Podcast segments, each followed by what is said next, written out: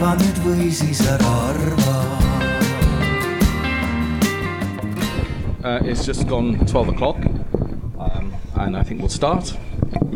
So, um, I'd like to welcome everybody, um, the audience here that are physically, and those that are online on Facebook. Um, welcome to this session uh, entitled Moving Towards a More Inclusive Society. Uh, my name is Mahendra Mahay. I'm going to be the moderator and um, this event has been organized uh, with my colleague um, Tanya Escarudo, who's there in the audience, uh, together with the work and well-being and communication in the globalizing and digital world cluster uh, funded at Tallinn University research uh, by the Re- research fund. I have to put that in. So. Um, so I'm just going to sort of read the introduction to this session, and then we thought we would um, do a slightly different uh, introduction to get your brains engaged in this subject. So, um, following the war in Ukraine, um, we are going to, to have a discussion and think of solutions to overcoming some of the obstacles uh, in the inclusion of Ukrainian refugees um, in Estonian society, as well as others from linguistic minorities. Then, what we're going to hope, hopefully do in our discussion is think um, wisely how we can prevent recent developments from leading to uh, discrimination um, against other, other minorities in Estonia. Uh, we're hoping to cover topics such as um, access to various services, in, um, inclusion in the labor market, uh, access to studying at universities and schools, and what measures there could be uh, implemented, already being implemented, um, to make uh, Estonia more inclusive and tolerant society to include um, people who speak other languages. Um, what we thought we would do first is uh, how many of you in the audience are immigrants? So, um, so um, what we thought would be a good idea first is to give you a small taste of what that must feel like. So, I'm I'm an immigrant. Um, I have recently g- uh, got married to an Estonian lady who's in the audience. Um, there, Aya. Um, and uh, Estonia is my home. Um, I intend to live here many years. Um, but also, um, I'll talk a little bit later about my own experience as um, a child of immigrants growing up in the UK and what that was like, uh, what it was like for them, what it was like for me. And then also, maybe throughout the panel, I'll talk about my own experiences, my own experiences of being here in, in, in Estonia. Um, so, what we're going to do first is uh, we're going to play a sequence of videos, um, and they're all um, a repetition of a poem. Um, and the poem is by a poet called Grace Nichols. Has anybody heard of Grace Nichols? Okay. Uh, she is a poet who now lives um, in the UK, in a place called Lewes, uh, which is near Brighton.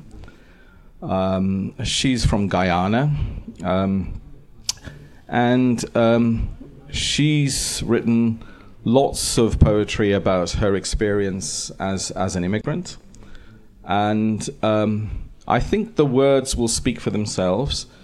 Um, we will start with Grace Nichols' poem, um, and then other people will repeat the poem in other languages. Um, and I think we can start that now. So if we start that now, please. I have crossed an ocean. I have lost my tongue. From the root of the old one, a new one has sprung. Я подолала океан і втратила свою мову. Старі корні відступають, щоб дати початки новому.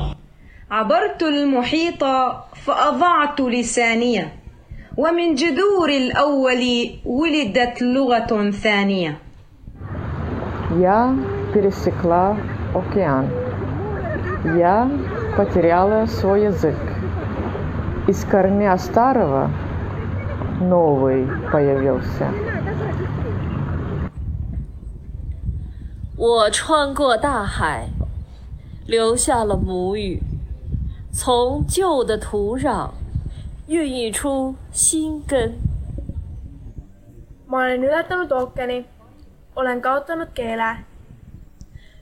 on juurtest vanadest äh, uued võsud võrsunud. I have crossed an ocean. I have lost my tongue. From the root of the old one, a new one has sprung. Okay, I'd like to thank everyone who volunteered to do that, especially Vincent, who's in the audience. Um, so I think um, the poem, um, w- when I first heard the poem, it really struck me deeply because um, up until the age of about seven, um, I, I was born in the UK, but I grew up speaking an Indian language, uh, a language called Punjabi. And, and then I was kind of put straight into an English school and um, it was a very interesting and weird experience because it was completely different culturally. So every day I would go to an English school and come back to effectively an Indian house. Um, I would describe it as an Indian village house. So, um, and slowly my parents saw me um, losing my language. Uh, I started to speak Punjabi with an English accent and they used to get very annoyed with that. You know, why do why can't you speak properly? And I think today, uh, when I communicate with them, I speak in a, a mixture of English or Punjabi. But the the Punjabi I speak now is with an English accent. So. Um, so that kind of has its own sort of uh, feelings within our family. Um, my, my younger brother is actually much better at speaking Punjabi than I am. Um, but I think um, the central theme of the poem is about separation and loss of identity. And this is something that um, I think I've personally felt, and hopefully, you know, some p- other people will be able to talk about. Um, so, um, I I speak I speak English is is my is my is my mother tongue now. I think in English. Um, I have memories of thinking in Punjabi. Uh, it's very different to thinking in English. Um, thinking in Punjabi is there is no um, there's no diplomacy. There's no fluffing th- subjects up. It's very direct. It's almost rude. Um, so that's how I describe the differences between the two. Um, but um, yes, it was very confusing growing up in the UK. Uh, my parents d- didn't really talk about their experiences, but um, I think they experienced some horrific racism uh, in the UK. Um, you know, some of it was very, very, very kind of very bad, actually. And then growing up at school, I went to a, a school that was um, had majority of the, the school population was white British, and some about 25% were from uh, Asian backgrounds, so that's India and Pakistan, and then also from the Caribbean. And that had its own challenges and experiences too, um, uh, in feelings and experiences, some positive and some very, very negative. Um, later in my life, um, I um, had the wonderful pleasure of experiencing Brexit. Brexit. Um, and I would say that at the time, I think I probably was guilty of surrounding myself in an echo chamber. So I surrounded myself with friends who had the same political views as me. So we all thought Brexit was never going to happen. And then it happened. And uh, I think to this day, I feel horribly embarrassed about it. I feel very em- embarrassed to be to to say I'm British. But I would say also, um, and it's not the reason I married you, Aya, is um, I, I, I feel like um, I'm a Brexit refugee now. So, um, and um, you know, that's not the reason why I'm in Estonia, of course, but um, but yeah. So I just wanted to sort of explain my feelings about that. Um, so uh, very quickly, how um, I work at Tallinn University. Um, I help um, I help people write projects uh, to get money and to work on a- answering inst- interesting questions and and do cool things. Um, but I have a background working in cultural heritage. Uh, so before I came to Estonia, I used to work at the British Library, uh, working with um, cultural heritage at the British Library and also looking at the legacy of the British Empire because uh, the British Library has lots of evidence of that. Um, so um, that's enough about me. I would like to now for all of you to get to know our um, speakers. So I would like to start with uh, Bogdan. And if you could tell me a little bit about yourself, your linguistic background, what is the language you speak at home, and also what you do, and what is your passion? Uh, hello, everybody. Thank you for coming today to listen us. Uh, and uh, uh so I'm Ukrainian. Uh, my uh, I was born here in Estonia. My father came here about 45 years ago to study in art academy. My mom was born here and I have also Estonian blood uh, and uh, and a little bit Russian.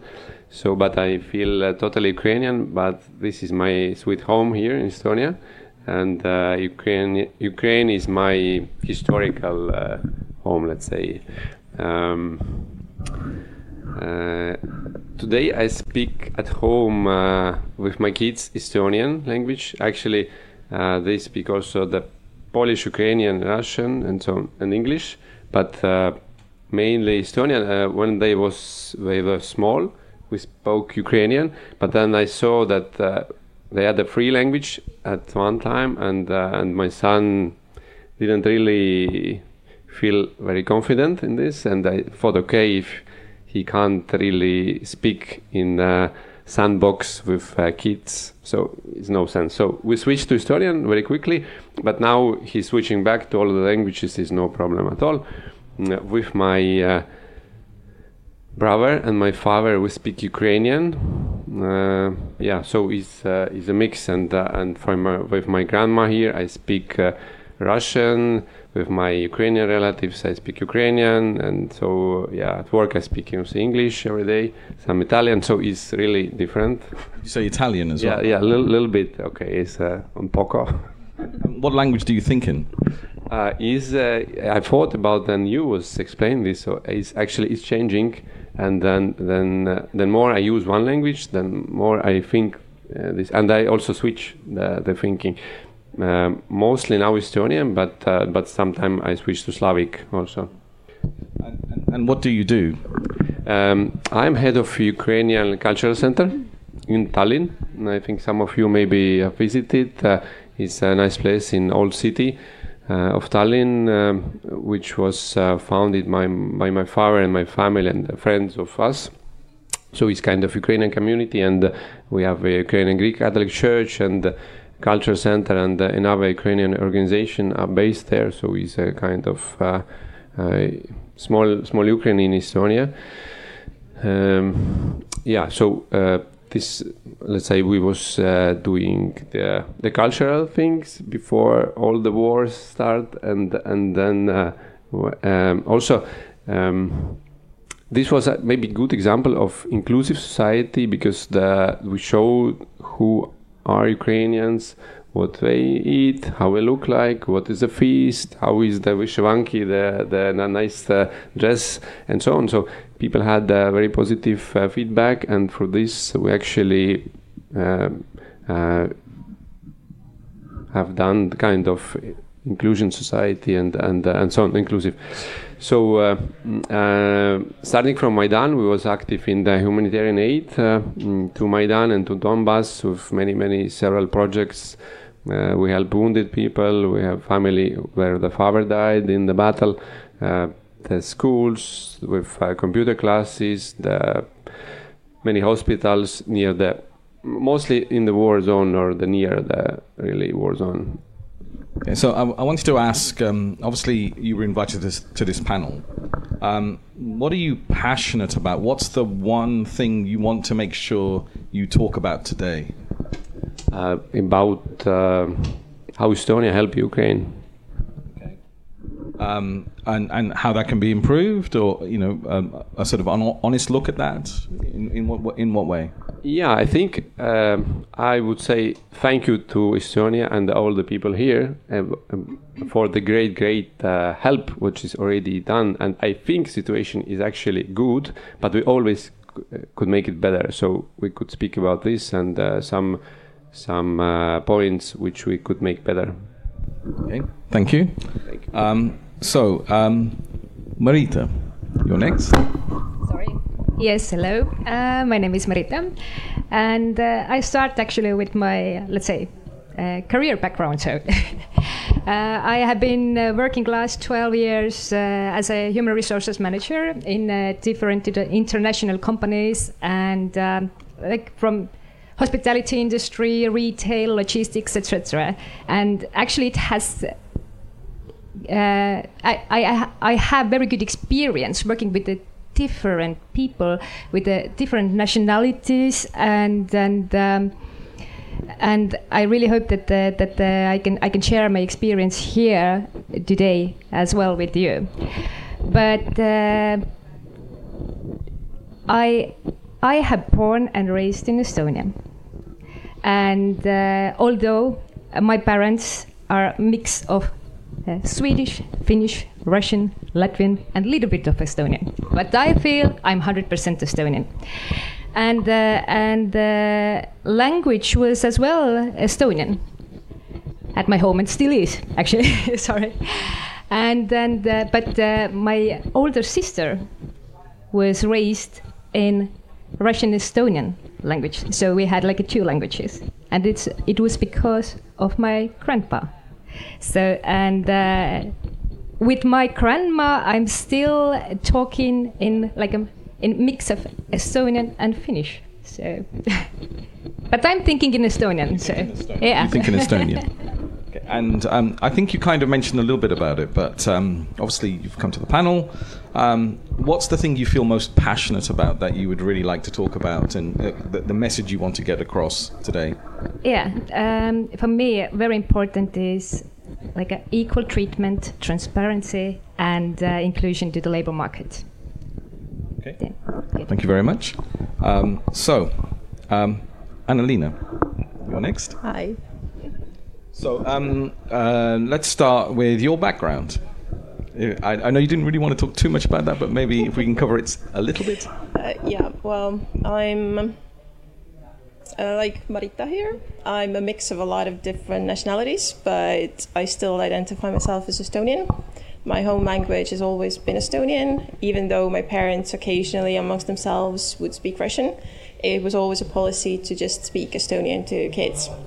So, definitely Estonian, but my second language would be Russian but I feel most comfortable in English. So Oh, I would say okay. that Estonglish is the way for me. Sorry, say that again. Estonglish. Uh, Estolish. Yeah, I've speak never. a I've mix never. of Estonian and Okay, English all the time. that's a new word for me. Because I think a lot of things in English, so I kind of like sometimes I'm searching for words in Estonian, so then I will just say something in English and I might continue in English until I realize that oh crap. Do you have a, a strong memory of thinking in different languages?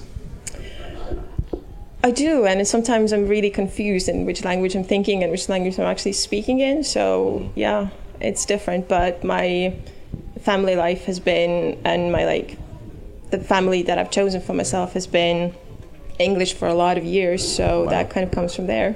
Okay. And um, tell me about what you do. I currently work in um, Ministry of Social Affairs in Labour Department as an advisor, and my previous background is working in Estonian Employment and Insurance Fund. So I worked with a lot of unemployed people and with various uh, health problems or any other kind of problems that would discourage them from being involved in the labour market.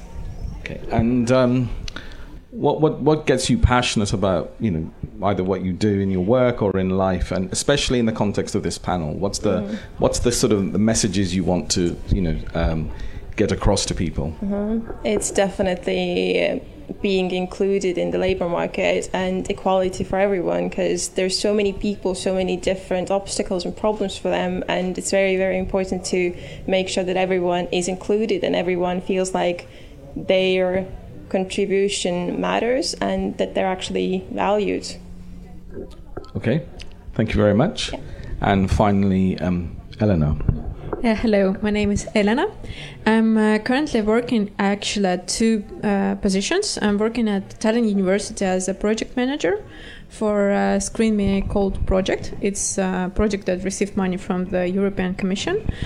And as well, I'm working at uh, Tallinn City Council as an advisor. Um, so, yeah, what about my background? It's hard to say who I am because I call myself a, a citizen of the world because of uh, I have uh, blood.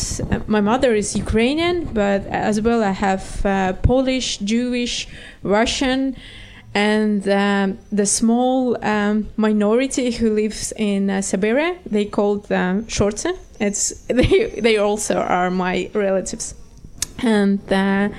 Uh, it's about. Uh, I was uh, born here in Estonia. I uh, was raised in Estonia. I lived my, all my life in Estonia, and I went to the Russian sh- school. But uh, then I went to the Estonian university, and um, um, it's hard to say on one on on uh, what language do I think because it depends a lot. uh, if uh, I'm speaking with my project coordinator, then she's from Germany, and then uh, at that moment I'm speaking and I'm thinking on English because I have to concentrate. If I'm uh, somewhere and uh, with my friends, then it depends on with whom I am because a lot of my friends are Estonians and a lot of them are Russians. So it's it's quite hard to to put this uh, like into the box who I am and what I am, and uh, what I'm passionate about and why I'm here. I believe that we have to think how politicians can uh, change our life and how they can ruin it. As we see, as example, what have done one crazy person at the moment, what he, what he started in the February, and uh, what we can do as um, as uh, locals, as a people who have the right to, to vote, what we can do in the future. Okay. Um, this is a kind of sli- slightly silly question, but it's more about connecting with your passions. But what language do you swear in? Oh, you know, it's uh, it's also interesting because um, uh, I actually also had left in. Uh, uh, in Germany, so sometimes Oh. it's in German language. it depends how strong it's supposed to be. Sometimes it's in Russian. Sometimes it's this uh, four words word in uh, English. You know all that, uh, know that word, bad word, and it's it's all depends. And sometimes it's also in Estonian because I know a lot of words in Estonian, the bad words because yeah, of my friends. Yeah, I, I think I forgot to mention I also speak Polish, and Polish is a fantastic language to swear to swear in. Actually, some fantastic swear words. Anyway, so this was kind of a, a little bit of a warm up for everybody, just for um, the audience and people online, just to get to know each other as people, just to make that human connection. And now we're going to sort of get on to the sort of the main the main business of, of the panel. And um, what I'm planning to do is spend about 45 minutes, 50 minutes. Um, asking lots of questions.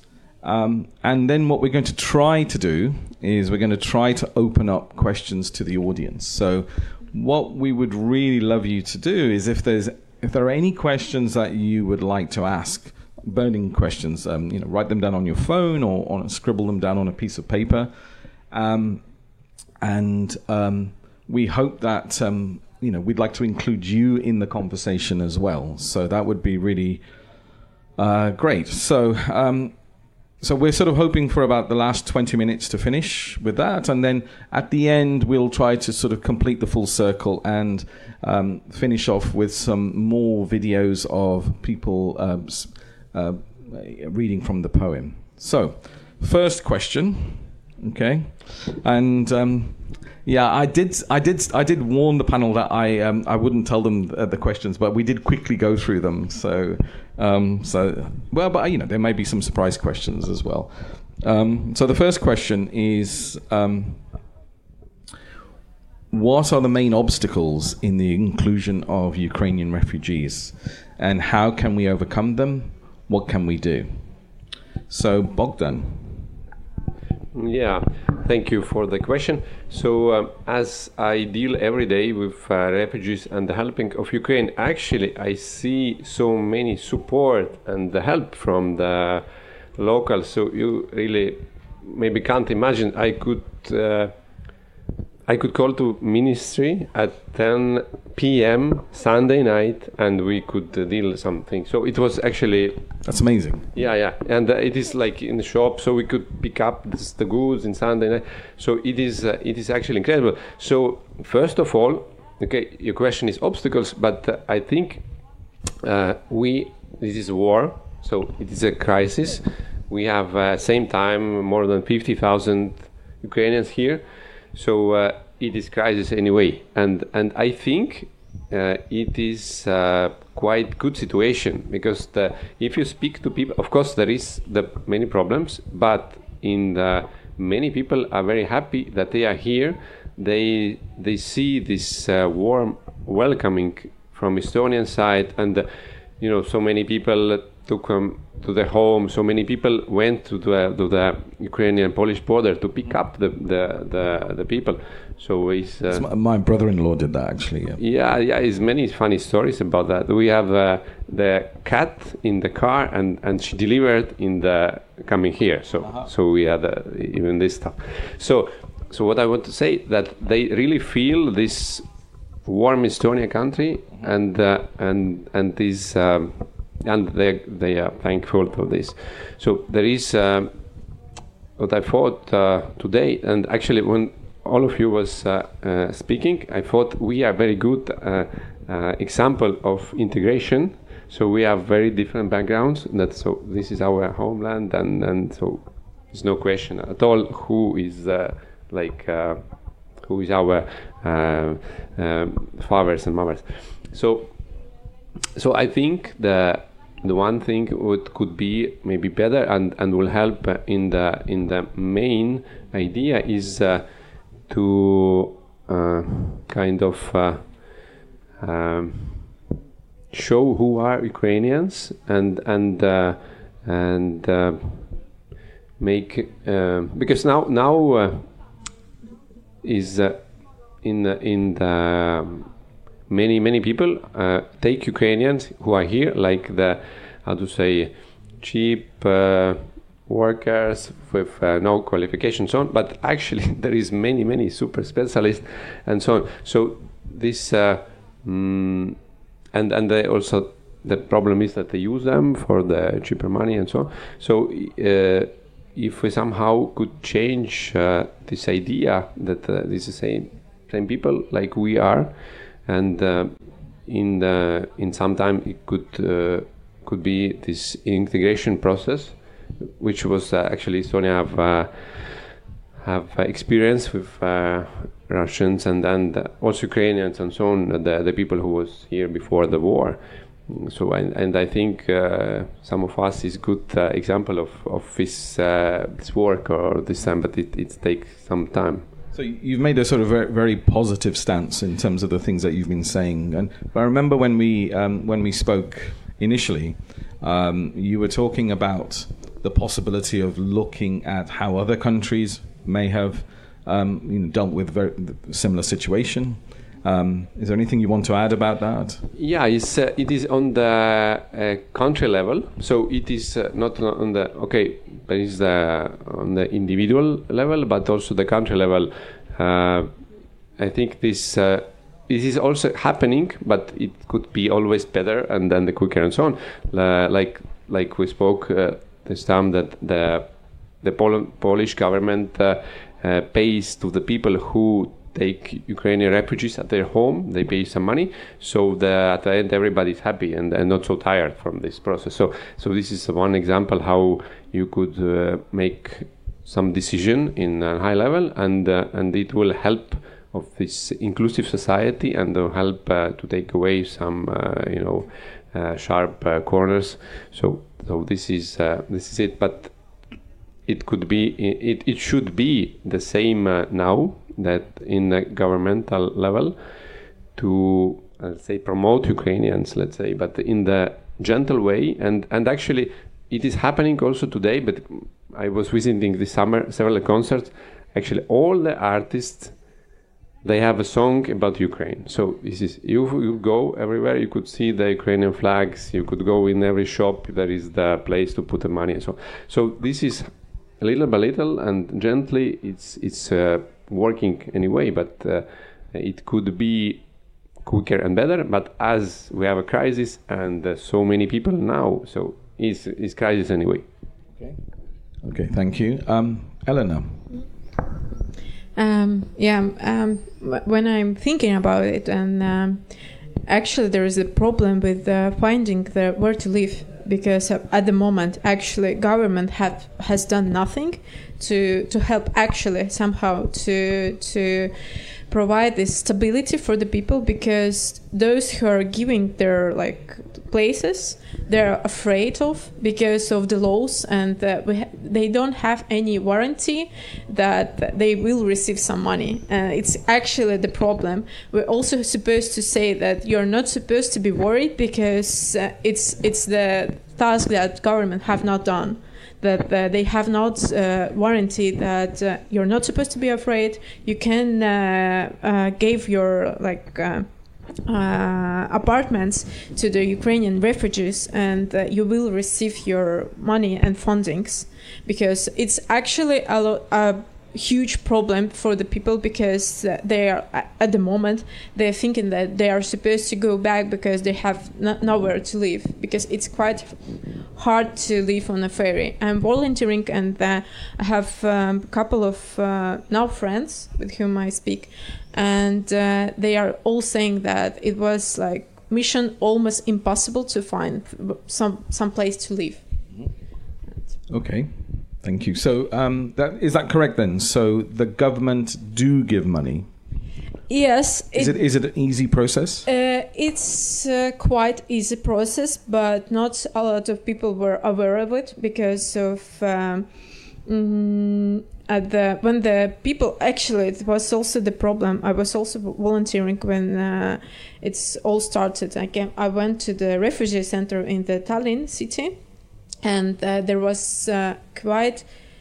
Um, I, I, believe that it was the problem with the information that we were providing the people who were registering uh, uh refugees because we did not say that you can have these these these options because of the situation it was so new and it actually it was the people as me who was working on other positions and we just say that i can uh, help because i speak russian i speak uh, i understand ukrainian language and i can go there i can register but uh, when i came there I did not receive like uh, instruction and guidance. There was, uh, it was like you, you have to react in a, a couple of seconds and uh, at the moment they can receive money they can receive this uh, fundings but the, those mo- fundings are not enough because of uh, of the, this problem.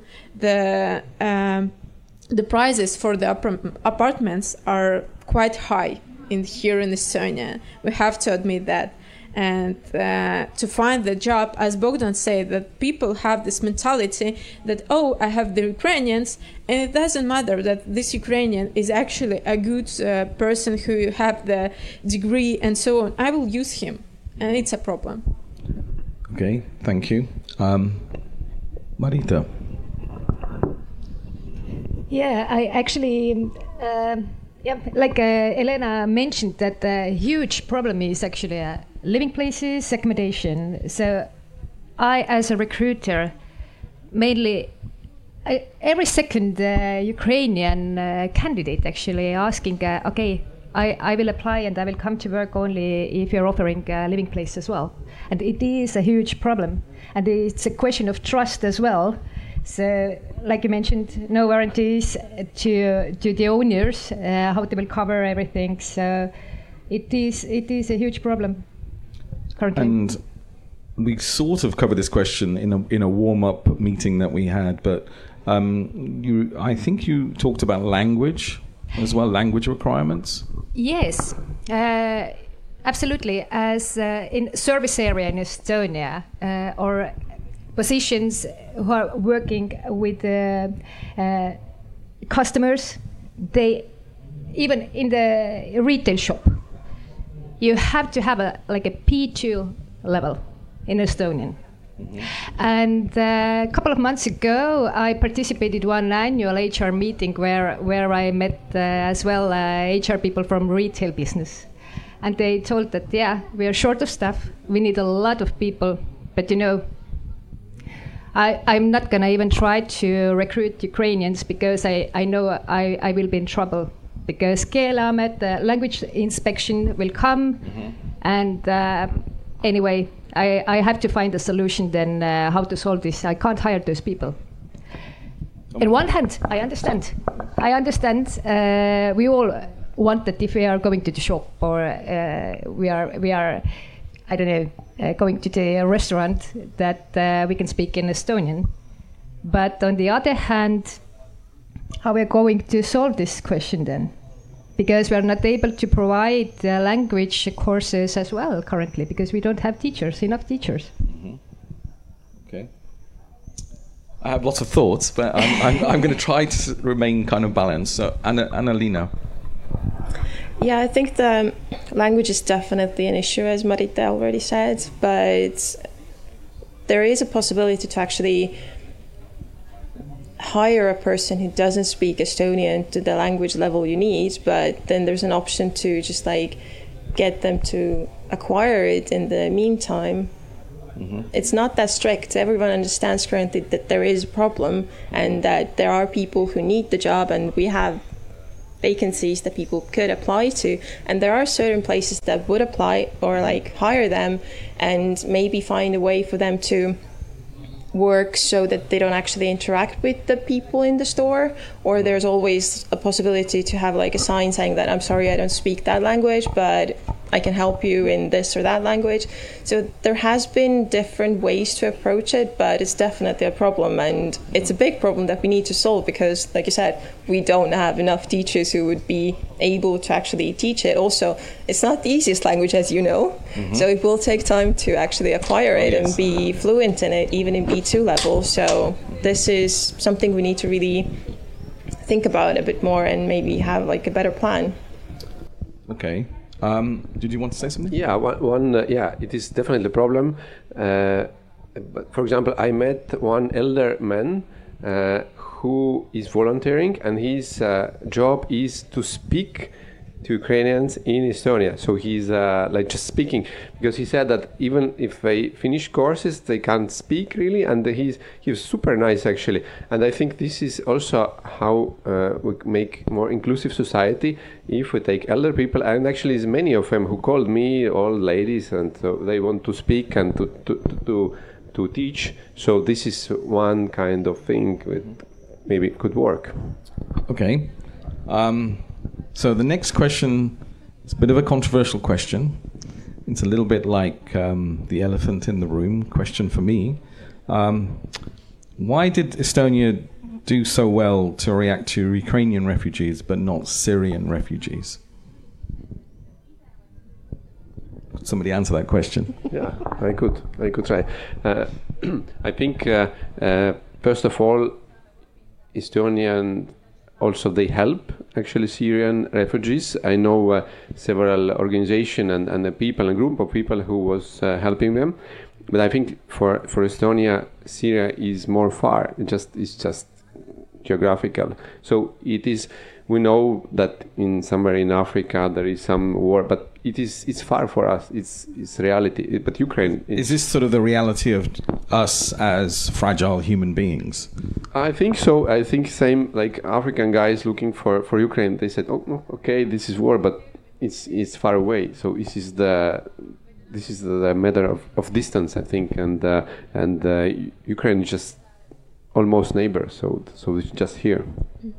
Maybe I can uh, hop in also. Um, I believe that the second, um, like, why uh, was because of the historical background, because of uh, Ukraine as Estonia was the part of USSR, and that's why they we we understand that we can't be the next one. We we we do understand that. Yeah, but it was the same enemy. Um, yeah.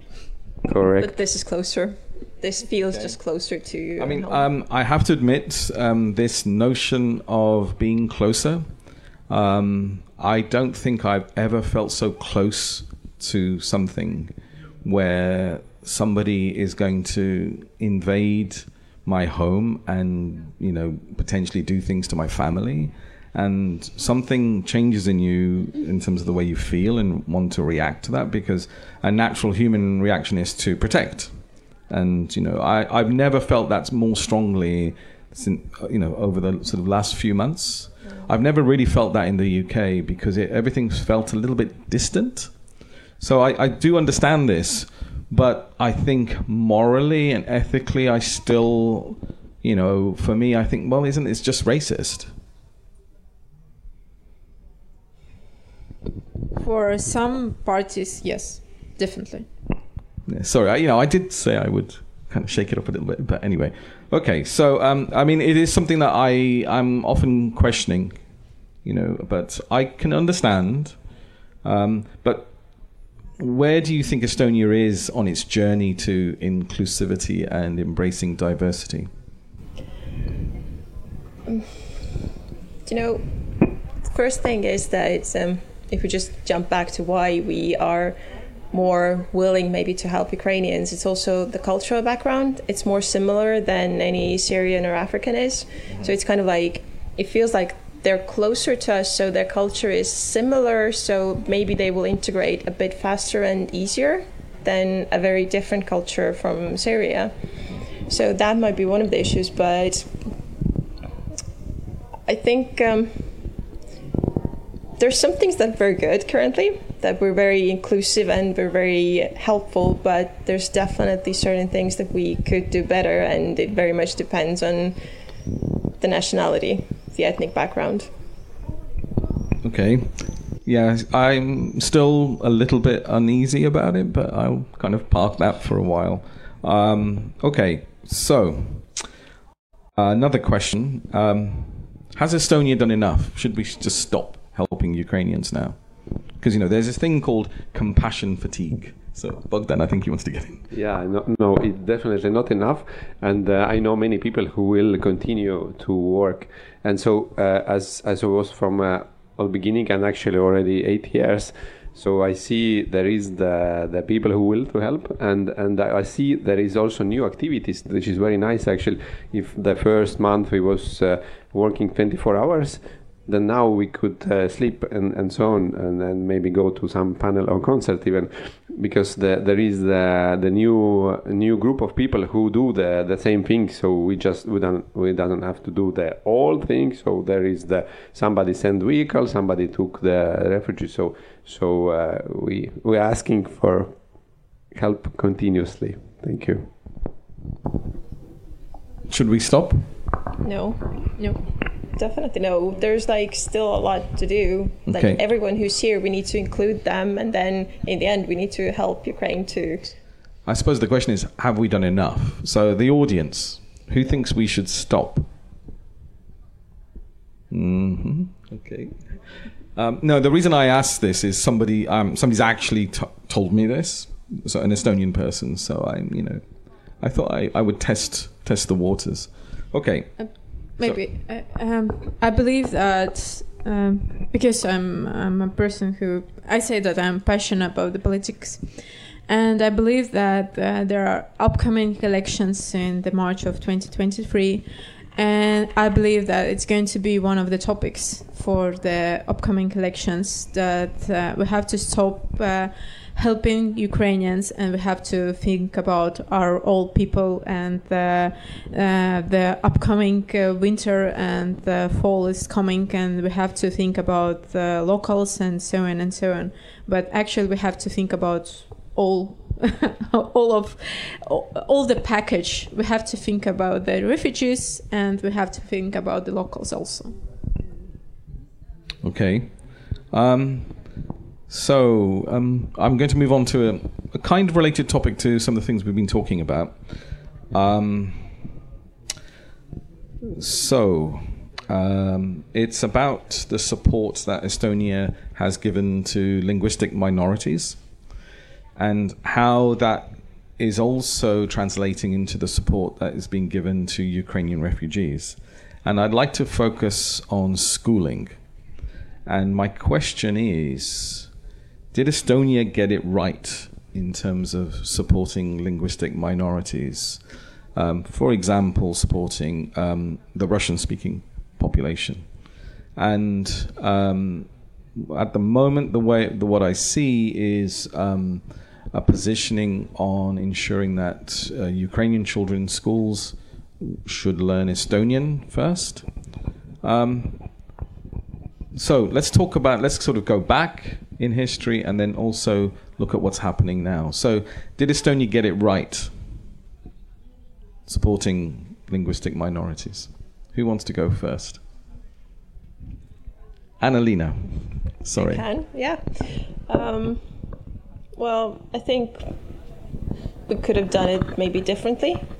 Like um, maybe um, integrated a bit more Estonian language in the schools earlier to give people the opportunity to actually learn the language because currently if we look at the labor market then people who are in the risk of unemployment or who are unemployed and are looking for quite a long time for a job are the ones who don't speak the language that is a problem and maybe we could have done something different then but you know it's 30 years Is, is that what is being attempted to be done now to get it right now? I think they're trying to change something, but it's going to take time. It's not going to happen in a year or two. It's going to definitely take like 10 years or more because it's just a big process and there's quite a lot of people. But if we started with Ukrainians now, then I think it's a good idea. But again, we come back to the fact that we don't have enough teachers. Mm-hmm. Okay. Anybody else? So, Elena, you, you I think you you uh, went to a Russian speaking school. Yeah, um, I went to the Russian speaking school, and I can say that the, how they give the Estonian language was not enough. Um, unfortunately, it was the lack of uh, the Estonian teachers because of uh, my teacher was. I have to admit that, but my teacher was horrible. Uh, I have the experience of my older sister who has a really nice uh, teacher. Uh, and after the school, my sister had the fluent Estonian language, which I did not have. Uh, my language came as I go went to the university. I also have this my friends who do speak uh, Estonian, and uh, I still sometimes I'm struggling with the grammar but it's sometimes it's it depends. But i believe that at the moment the idea is good but we have to look how they are going to do that. Because i really think that if you live in estonia you're supposed to speak uh, estonian language. It's it's like it's not arguable at all. You're supposed to do that. If you live here if you would like to live here if you would like to be here you're supposed to be like you're supposed to speak estonian but it's yeah. Yeah, I think uh, that, okay, so there is the issue of the teachers, but there is uh, we have uh, many people who are not teachers but could uh, teach still, and uh, I think it's just matter to to look and look and look again, and so we'll find uh, somebody, and definitely is is. Uh, you must speak Estonian if you are here, and but and I think Ukrainian uh, people have uh, high motivation. Um, nowadays on the bus stop, I saw the mom uh, who took out the, the, phone and was asking the the boy, the son, uh, how is the um, cheese in Estonia and so on. So it was just happening on the street. So they are going to the school, so they do it on the street. So and uh, also in our center we have uh, Estonian courses and uh, and uh, so and I think then then uh, uh, younger kids then easier it goes. So the, I think the first second grade is no problem at all. They will speak in in a few months and it will go very fast. And we have this previous experience with Ukrainian families when they came uh, and uh, went just to, to Estonian school, and uh, it was very fast. Now, of course, if you have a, like uh, 20 or 30 kids, all Ukrainian, so it will be more difficult. But anyway, it will go. Angelina. Yeah, um, regarding the language again, like Bogdan said, then yes, people will learn it and will speak it, but something that we should probably think about, in my experience, is that we're not really used to people speaking broken Estonian. So when we hear someone speak and they say something wrongly, then we tend to just like correct them, and that might block them. Because when I look at my friends who are learning Estonian currently and trying to speak to me, then when they say something wrong, I don't intend to be mean, but I will correct them, and they're they're like, oh, maybe I, yeah, okay, I'll switch back to English. So this is also a thing that we're not used to people speaking broken Estonian, and we will correct them, and we will stop them from even trying in the long run. Um, I know, I know how that feels, and um, you know, I, I, also do it when people speak in English because I, you know, I've also taught English. Um, it's really, it's a really difficult one to how how to pitch that, you know, and um, you know, I, I, I sense a lot of like gentleness and kindness from you, Bogdan. So I think this is kind of an approach, and but also I was thinking about the resource that we have you know, in terms of you know people being open. Um, I, I remember um, reading an article um, about a lack of psychiatrists in Zimbabwe, and what they did was they set up uh, gr- granny and grandfather benches where they uh, they would sit and people could sit there and talk about their problems. You know, maybe we could do something similar, but you know, to you know, if you wanted to practice your Estonian you know, I don't. But there are language cafes yeah. and different events for people to actually go and Mm-hmm. practice and talk to natives. So Yep. maybe it's also about the mentality if you would like to learn then you will use all the possibilities that are given but if you have this the block that you would you, that you you think that you don't need it then Mhm. there, there is that problem because i was uh, that uh, person who was asking if i am speaking wrongly please correct me because i would like to learn i would like to speak it right and uh, in the future i would like to avoid the situation that you have Mhm. to say that i'm speaking like somehow other way that it's supposed to be No, I think I think it ultimately very useful. It's just you know um, how you deal with it yourself internally. Um, I, I was going to say myself, um, I, my my own sort of experience of living here. Um, I've really struggled to like make friends, you know, to go beyond the superficial with people, and um, and a lot of people, you know, the advice they've given me is just start speaking Estonian. Just even a few words, it will open people's hearts to you. And they've said it really sincerely, and it's kind of been a really good motivation. And you know, then it's like, oh yes, I'm going to learn Estonian. Then you think, oh my god, this is like a really hard language. But uh, you know, I've also, yeah, I, I, I think you know, there are some opportunities, and I think obviously, you know, maybe the the question is just making making making more people aware of them. Um, I'm just sort of conscious of time, so I'm going to. There's a few other things I want to talk about. Um, I just wanted to give a quick shout out to Settle Estonia. Uh, as an immigrant, um, the Estonian government offer a program called Settle Estonia. Um, I don't know how that is coping now with all the Ukrainian refugees, but when I came, um, it was superb. It was really useful, really helpful. It wasn't just about free language classes, so A1 and A2. Uh, so I passed my A1. So I, I do know a few Estonian words, but um, but it's been it was so useful and so welcoming, and it was so nice to meet other people, and I and through that I made you know a couple of friends. So I would really give a big shout out for that. Um, so moving on to some you know maybe slightly more negative things but you know and and not e- i don't think there are easy answers to this. And i'm going to address this to you eleanor first. Because you know you talk you you you mentioned the p word politics okay? Um, but also i want to talk about um, disinformation and how to tackle it. And you know when when you have um, media machines that are funded by billions of rubles or dollars. So I'm I'm also using dollars because it also applies to many other countries. Um, you know how how can you tackle that? You know, and uh, or at least give people the tools to challenge it. And I know that you're quite interested in this subject. Uh, it's actually quite hard to answer that because, um, uh, as I said, I'm I have I'm working as an advisor in a Tallinn City Council. I'm a person who have done the elections and helped to to done the elections. So I'm the person who's actually working on uh, propaganda to to um, to split this message and we actually have to I, I thought about this question and uh, um, my my like thoughts was that we're supposed to uh, provide that, that classes at school.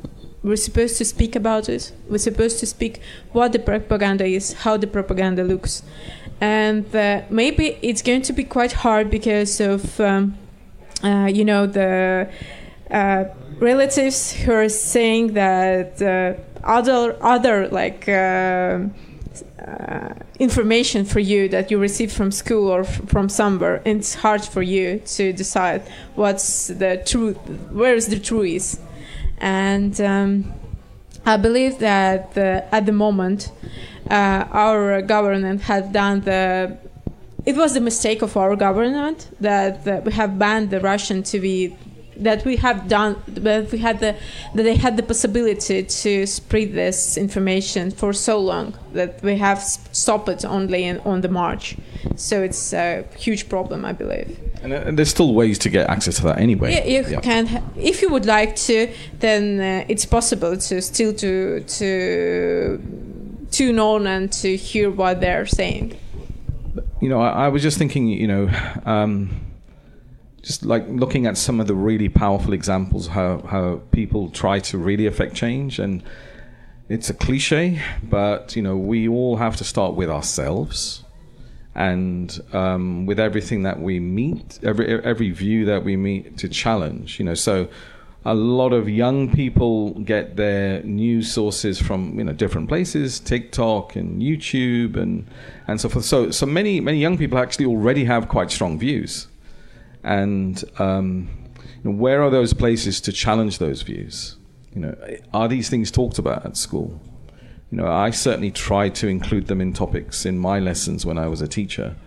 Um, they're not easy topics to discuss, but um, you know, and, and, and also you know, just the very fact, the simple fact of funding, the amount of money that is used to manipulate messages. Uh, it, you know, how do you how do you counteract that? You know, it's you know, obviously the you know spend more money count, counteracting Uh, it. You know, um, we have to start with the books for the history because it's the first source where the misinformation is coming, actually.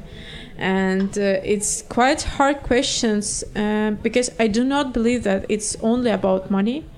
It's also about other like things that we cannot measure in the money. And I do not know the right answer how to stop it, but we're supposed to deal with it for sure. Um, so I'm not going to sort of go around everyone because I'm going to give other people a, a chance to talk. So this is really addressed at Marita. Um, it's really about your experiences of the labour market, and you know I think I want to give you sort of a free a free space to talk about the things that you're passionate about. You know, so um, tell us a little bit about your story and the experiences that you've had and the things you'd like to change. Okay, thank you. So uh, I have been recruiting the Ukrainians already, I think, last five, six years. So, and then of course uh, now this year the situation changed a lot, and uh, here I, I really would like to praise unemployment insurance department uh, who is really bringing together employers and uh, and Ukrainian refugees. So it helps a lot, and uh, it is much easier for the companies to to meet a group of people, not individuals. So, thank you a lot uh, once again. But uh, there are many concerns actually as well. So if we're talking about the inclusion to society and and equal treatment, then somehow we have created, even talking about Ukrainians, three different groups to to recruit with the three different uh, salary requirements and conditions. As an employer, I I have to let's say I, I have three three different groups, and one of them is actually helpless now. We had, I think, before the war, around 25,000 uh, Ukrainians here in Estonia working. Um, I, I, I really hope that uh, and truly believe that most of the companies uh, followed the uh, uh, salary requirements and uh, and paid at least the average salary. Then, when war started, those uh, Ukrainians who were here before the war and who had to renew their living and work per- permit here in Estonia, now they have different conditions. At least 80% of the average salary uh, you have to pay. And now, Ukrainians who came to Estonia uh, when, after the war, then they have the same conditions like uh, locals or local Estonians. We have created ourselves actually a situation where we can't uh, treat uh, everybody equally, I think.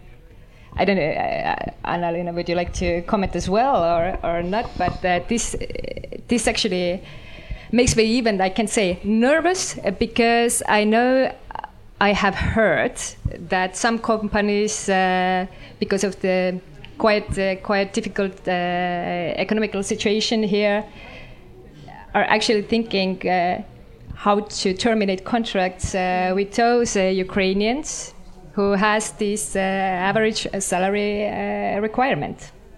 So, yeah, I like I said before when we spoke Yeah. before this, it's definitely a problem that needs to be addressed at some point. Um, but I think they they did change it a bit because it was like the average salary now it's 0.8 of the field actually not the country's average but isn't it for the field that you're working in so it might be very much different so it is a bit more flexible but this is something that needs to probably be still looked at yeah Yeah, absolutely. And then, the, like uh, Bogdan mentioned at the beginning already, that uh, that there are there are unfortunately employers who are not uh, treating equally uh, Ukrainians. They see them as um, very cheap uh, employees. Uh, they are working even like a 16 hours per day, still getting less money than um,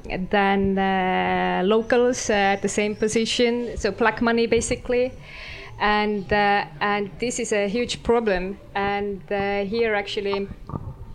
I really hope that uh, governmental institutions, uh, as well as social affairs and uh, other other departments, can can support uh, how to get or provide this information to Ukrainians that they know their rights, that they uh, they have as well like transparent transparent uh, processes. They know what to ask and uh, and they know the conditions.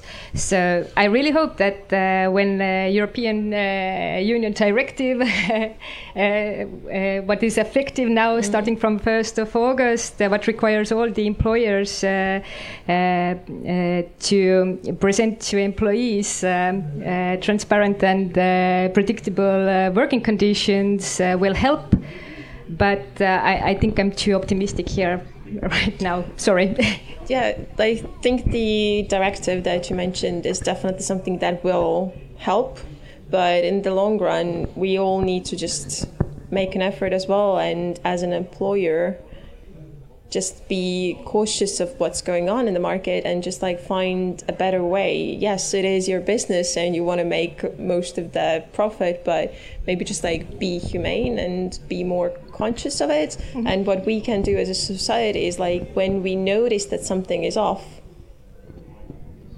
speak about it. Yeah, absolutely. Find someone who can actually do something about it. Is it uh, Maksu- ja Tolliamet, Mhm. Tööinspektsioon, whoever? Is that is that happening?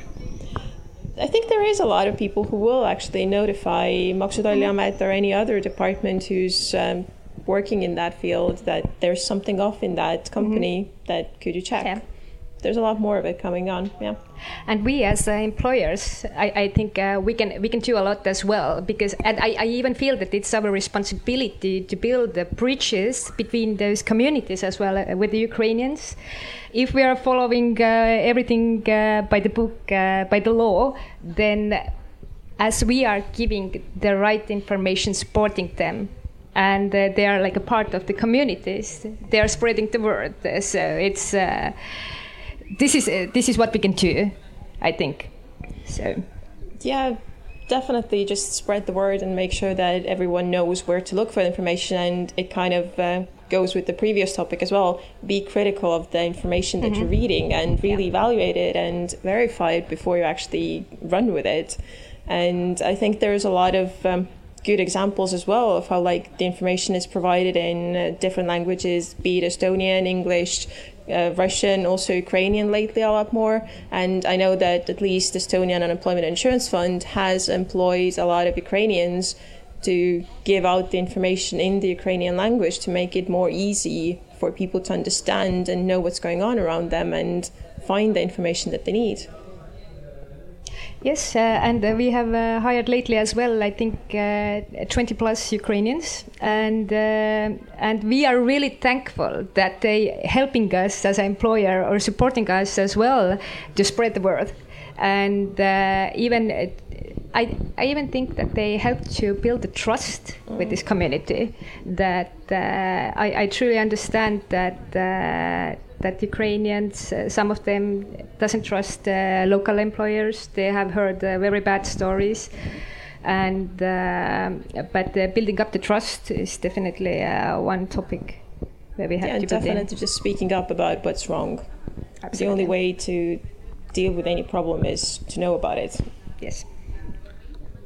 Okay, thank you. Um, this is um, controversial um, question, um, and it's complex, but I think it's worth sort of talking about it, and then maybe after this we'll uh, widen this to the to the audience. But um, why are young people who want to settle in Estonia being discriminated against?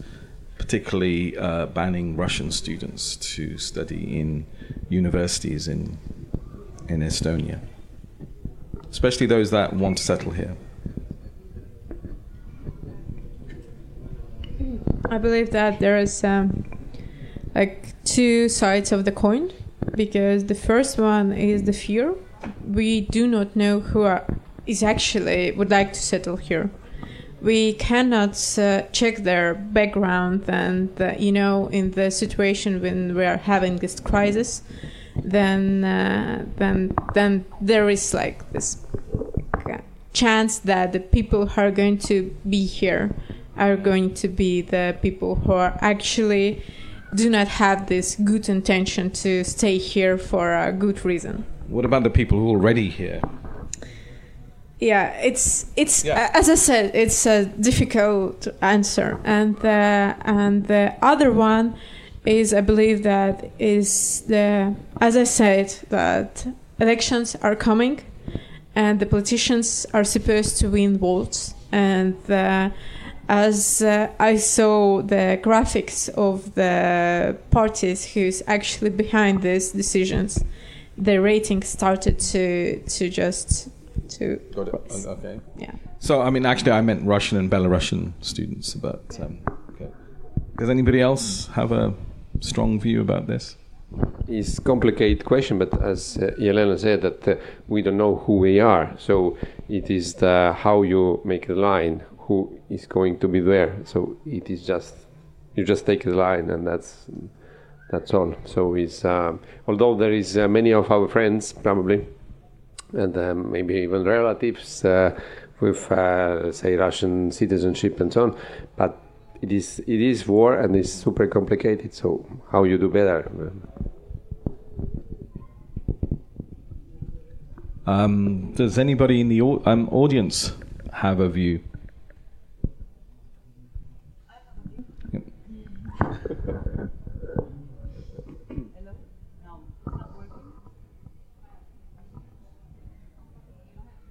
Hold on.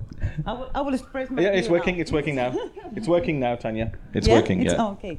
Um, sorry. Um, um, you have talked about this about the banning of uh, Russian and Belarusian students, uh, universities, most universities in Tallinn.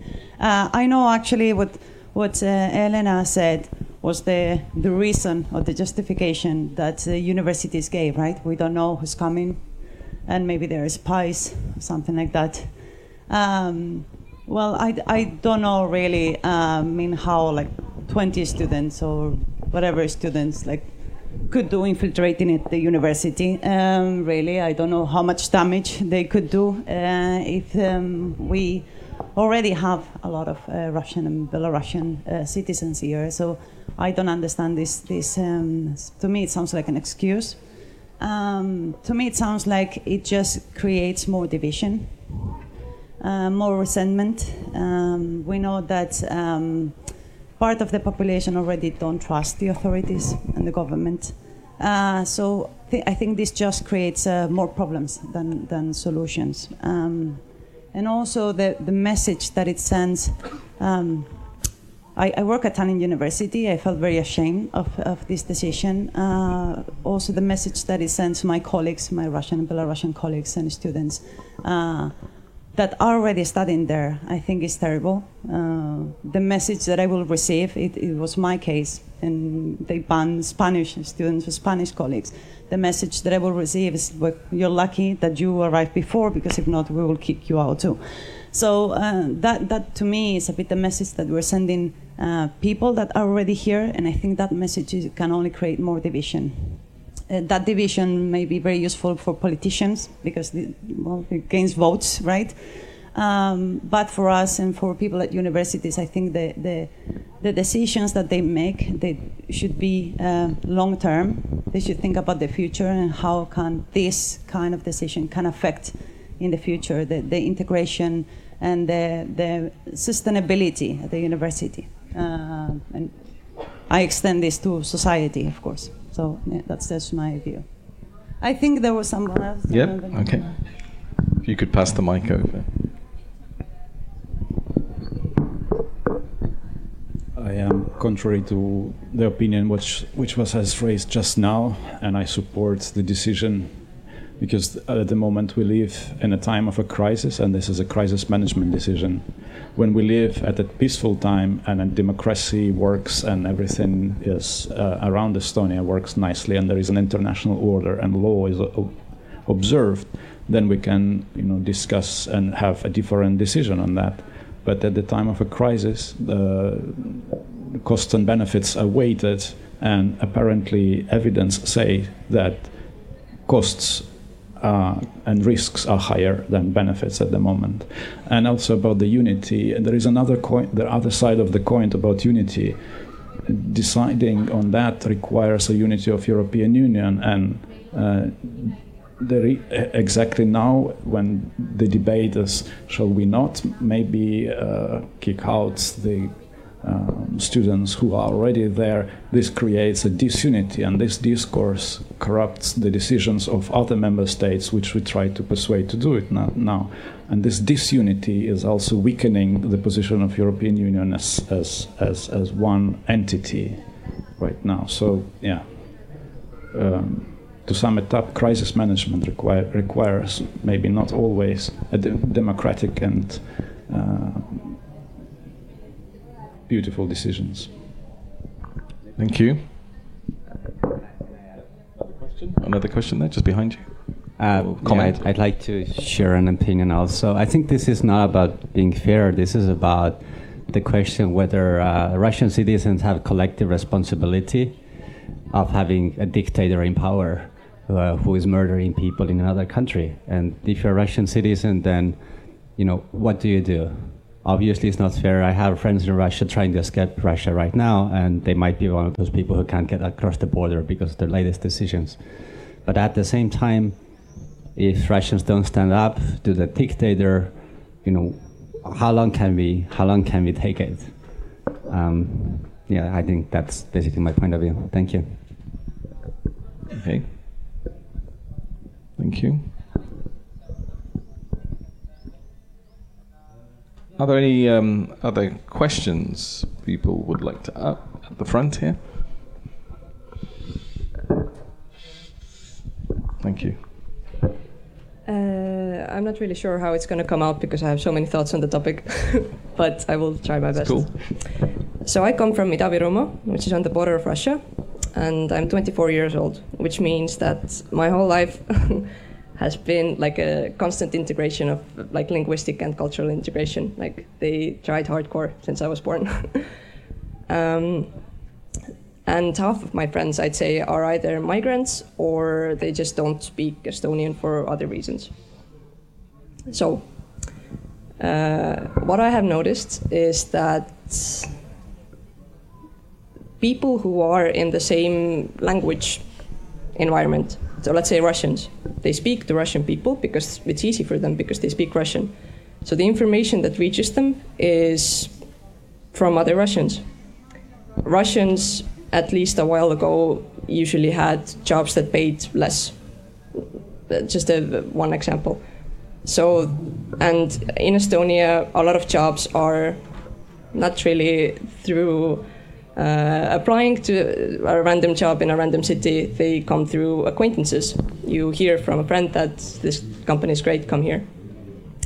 So the jobs that reach the Russians stay the same. They stay in the same, like let's say, societal level because uh, the information that reaches to them comes from the same group of people.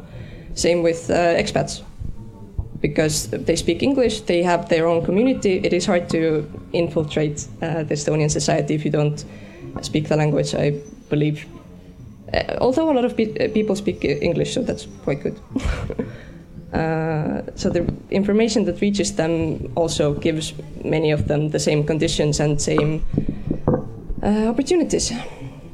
Um, another point that I wanted to bring out, I don't know how to really connect them, but um, I think uh, what is also special about Estonia is that because it is a small country with a, lang- with a unique language that only Estonians speak, which means that Estonians tend to organize things for Estonians because they are the only ones who can do that. Uh, and if they do it for Estonian specifically, they do it in Estonian. So where I want to go with this, or my question is, as um, probably the moderator can answer the best, but also I know that you all have experience in this. So, what kind of limitations does it give people when they don't speak the language in Estonia? We talked a bit about labor market. We talked about uh, other topics, finding friends, etc. But also cultural events are generally in Estonian, like inclusion in the society. So uh, yeah, just a question of how, how, how, what are the limitations? Um, I, I, I would love to answer that question, but um, I'm going to give the panel an opportunity first to answer that question. Do you anybody ha- have any thoughts about that? This is very sneaky of you, but okay. Um, I'm not avoiding it, by the way. I, I could talk for like hours are, on it. but No. I'm not. No, no. Um, well, as you pointed out, it does mean that we're excluding certain groups of people who don't understand the language and therefore they will not participate in whatever the event is. Therefore, as well, the information that they're getting or whatever is provided at the event is not going to really concern them or they're not going to be a part of it. So we're excluding people with that. But I also, maybe you have an idea, but I currently can't really think of like how we could do it differently. Like, yeah, I'm. Yeah, I mean, um, you know, I, I have some personal challenges at work. You know, um, a lot of the meetings are in Estonian, and um, often I don't understand the majority of what's what's actually happening. Um, and it's very difficult to be motivated to actually go to those meetings when you think, oh, you know, I don't understand, right? So, and also that applies culturally as well. Um, so there's an element of laziness. You just, oh, I'll just go to an English speaking. That's easy, right? Um, but uh, there's also a kind of, um, you know, putting yourself in an environment where you're kind of applying a little bit of psychological pressure to yourself. So I try to do that. It's it's not easy. It's quite difficult. But on the other hand, um, I've been thinking about ways to build bridges. And so, for example, just in simple things like meetings, um, if there's an agenda beforehand in Estonian, that can be easily translated. Documents can be, you know, they're not perfect. Um, it just means that you can then ask an intelligent question. And even um, asking for a, a, very brief summary at the end uh, in your language. Because th- there's this kind of horrible dilemma, because naturally you're going to feel excluded. Just naturally. And um, you know how much you know do you sort of you know you can easily just go into a spiral of feeling lonely and then not going out not wanting to meet anybody um, it's really really hard. And you know i'm very very lucky and blessed to you know um, i have an estonian wife. Um, interestingly the language we speak at home with her boys is mostly english actually. So i don't know how she feels about that but um, um, so I, I, actually probably get a lot of support, more support than others. But um, I don't know. Uh, I suppose um, what's what struck me was sort of gentleness and kindness. To to be kind to yourself, to try. Um, it's really not easy. I don't have easy solutions, um, but um, uh, you know we're you know trying to organize events where you go beneath the surface a little bit and we where we can talk about these things and we, are trying to do that actually um, there's I'm lucky that I live in Tallinn but um, one of the things we've tried to do is um, you know is to organize this thing called share nights where you have to come along and share something food drink and yourself and um, it's just a kind of a leveler and um, but yeah, it's I, I I would say it's a struggle. I struggle sometimes, and there's ups and downs. But um, I think it's good to try. But um, uh, yeah, I, that's my own personal hmm. experience. Well, that made me think of the time that I lived in Denmark. When I did my bachelor's degree, I was in Denmark for two years at a university that at that point only had seven foreigners in the whole school there was like very very small amount of us and everything in the university all the information everything was only in danish. So in the beginning they kind of were conscious about it so they kind of tried to speak more in english when we were around but at one point they kind of forgot. So yeah it's easy to forget yeah, yeah and then we stopped going to events and we are like yeah we don't understand it anyhow so whatever if it's important we'll find out. But what helped us in the long run was that um, in the end of first semester, we did a whole university party and we as the international group organized it and people kind of like remembered again oh yeah, yeah. that weird international ones are here uh-huh. yeah uh, you know it's um, it's a difficult one but um, because it's it's quite easy to get into a spiral of feeling alone and lonely, and then you just start feeling a bit sorry for yourself, and then oh, well, there's no point going out because I'm not going to understand anything. Yeah, definitely. But what I think will help is just like remind people that I don't understand Mm-hmm. I don't know what's going on. Maybe someone can translate or help me out if it's a meeting. But mm-hmm. if it's a bigger event, then it might be a bit more difficult. But then mm-hmm. maybe again, it's a thing of like reminding that I don't understand. Like maybe we should include other people because we're including people with disabilities, uh, mm-hmm. either with Im- visual impairment or hearing or whatever. So maybe we should include people who don't understand the language as well. So it, it's it's uh, it's a mindset, you know, to remember there is someone there who you know you're excluding, and it, whether it's you know deliberate or not, it's it's it's it's not a nice feeling, is it? It's very unpleasant feeling, and it's so easy just to go into that spiral and and then forget and think, oh well, I might as well just leave Estonia. No, and that's not an option for me. Anybody else? It is coming from uh, both sides. Uh, I was also in um, one group of uh, Italians. They didn't speak any English, so I was, and somebody was translating to me two weeks. So after this, I started to learn Italian. So it is, uh, as you said, that you remind that you don't understand, but in same time you start to learn. So and and a little by little you will get some. So after two weeks, I was something already better.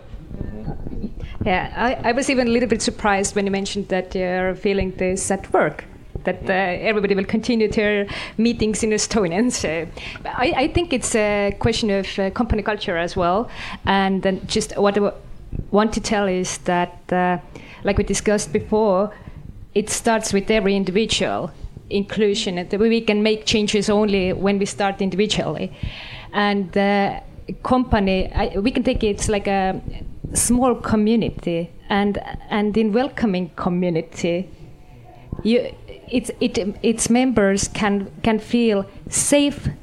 Yeah. Accepted yeah. and and uh, of course uh, they feel comfortable to be themselves. We are individually can start this change, as well with the language actually. No, I would agree. Um, okay.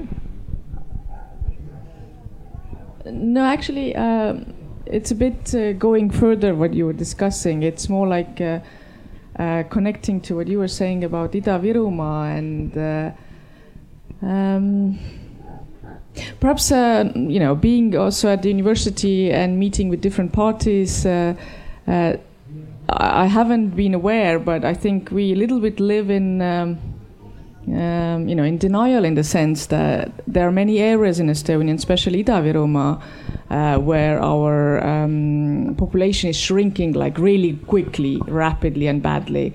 And I don't know how we're going to survive here, right? So we need actually much more people coming in, or, or how. And I think we don't have those discussion in Estonia at all, like how uh, how are we going to do actually on our labor market, where all the workers are coming, and uh, um, what are the plans, right? So because this is so dangerous area to go on, uh, but that will a little bit lead away from the yeah, perhaps what you're discussing before. Is that, is that a comment or is there? a comment. Uh, okay. Yeah, so are, are are we sleepwalking into um, creating huge pockets of discrimination? Possibly, yeah. Depends. Okay, well then we need to wake up. Then. yeah, but I think that's a very big and broad topic to actually discuss in a probably a different panel. Because Yeah, we yeah, have a couple of minutes left. I don't think we have enough time for that. Okay. Um, I think we're going to we're going to wrap up. Um, I would like to thank my panel. Um, thank you so much um, for participating. Um, I think um, I'm really pleased how it went. Um, I think it was very human, but also we were sort of looking at some quite practical things. Um, it's a huge topic. It's very emotive there are so many things we could have talked about and so many different directions we could have gone. People feel very passionately about many things. Um, and I'm sure the debate will continue. So, if there's anything that people have thought about and want to talk about afterwards, obviously, this is the whole point of this festival. Um, those of you online, um, please continue the discussion. Um, we'd like to finish um, just to give the opportunity for some of the people we um, press ganged into recording this poem. They didn't get an opportunity to sort of say say it at the beginning, so we're going to finish off um, with the, um, um, the the poem from Grace Nichols. So some of you may have joined late. Um, this is a a, um, a poem about. Being an immigrant and losing losing elements of your language and creating a new one. But we thought that would be a nice way to sort of finish and complete the circle. So uh, thank you very much. And uh, we'll finish off with that. And um, I hope you have a lovely day. It's beautiful. Um, and um, hope to bump into all of you at some point in Estonia. Thank you. I have crossed an ocean. I have lost my tongue. From the root of the old one, a new one has sprung. ma olen ületanud ookeani. ma olen kaotanud keele. on juurtest vanadest uued võsud võrsunud. Я подолала океан і втратила свою мову. Старі корні відступають, щоб дати початку новому. فقدت المحيط وفقدت لساني ومن جذري القديم نبت واحد جديد 我 越过汪洋，告别了母语，从旧的土壤孕育出新根。 I have crossed an ocean. I have lost my tongue. From the root of the old one, a new one has sprung.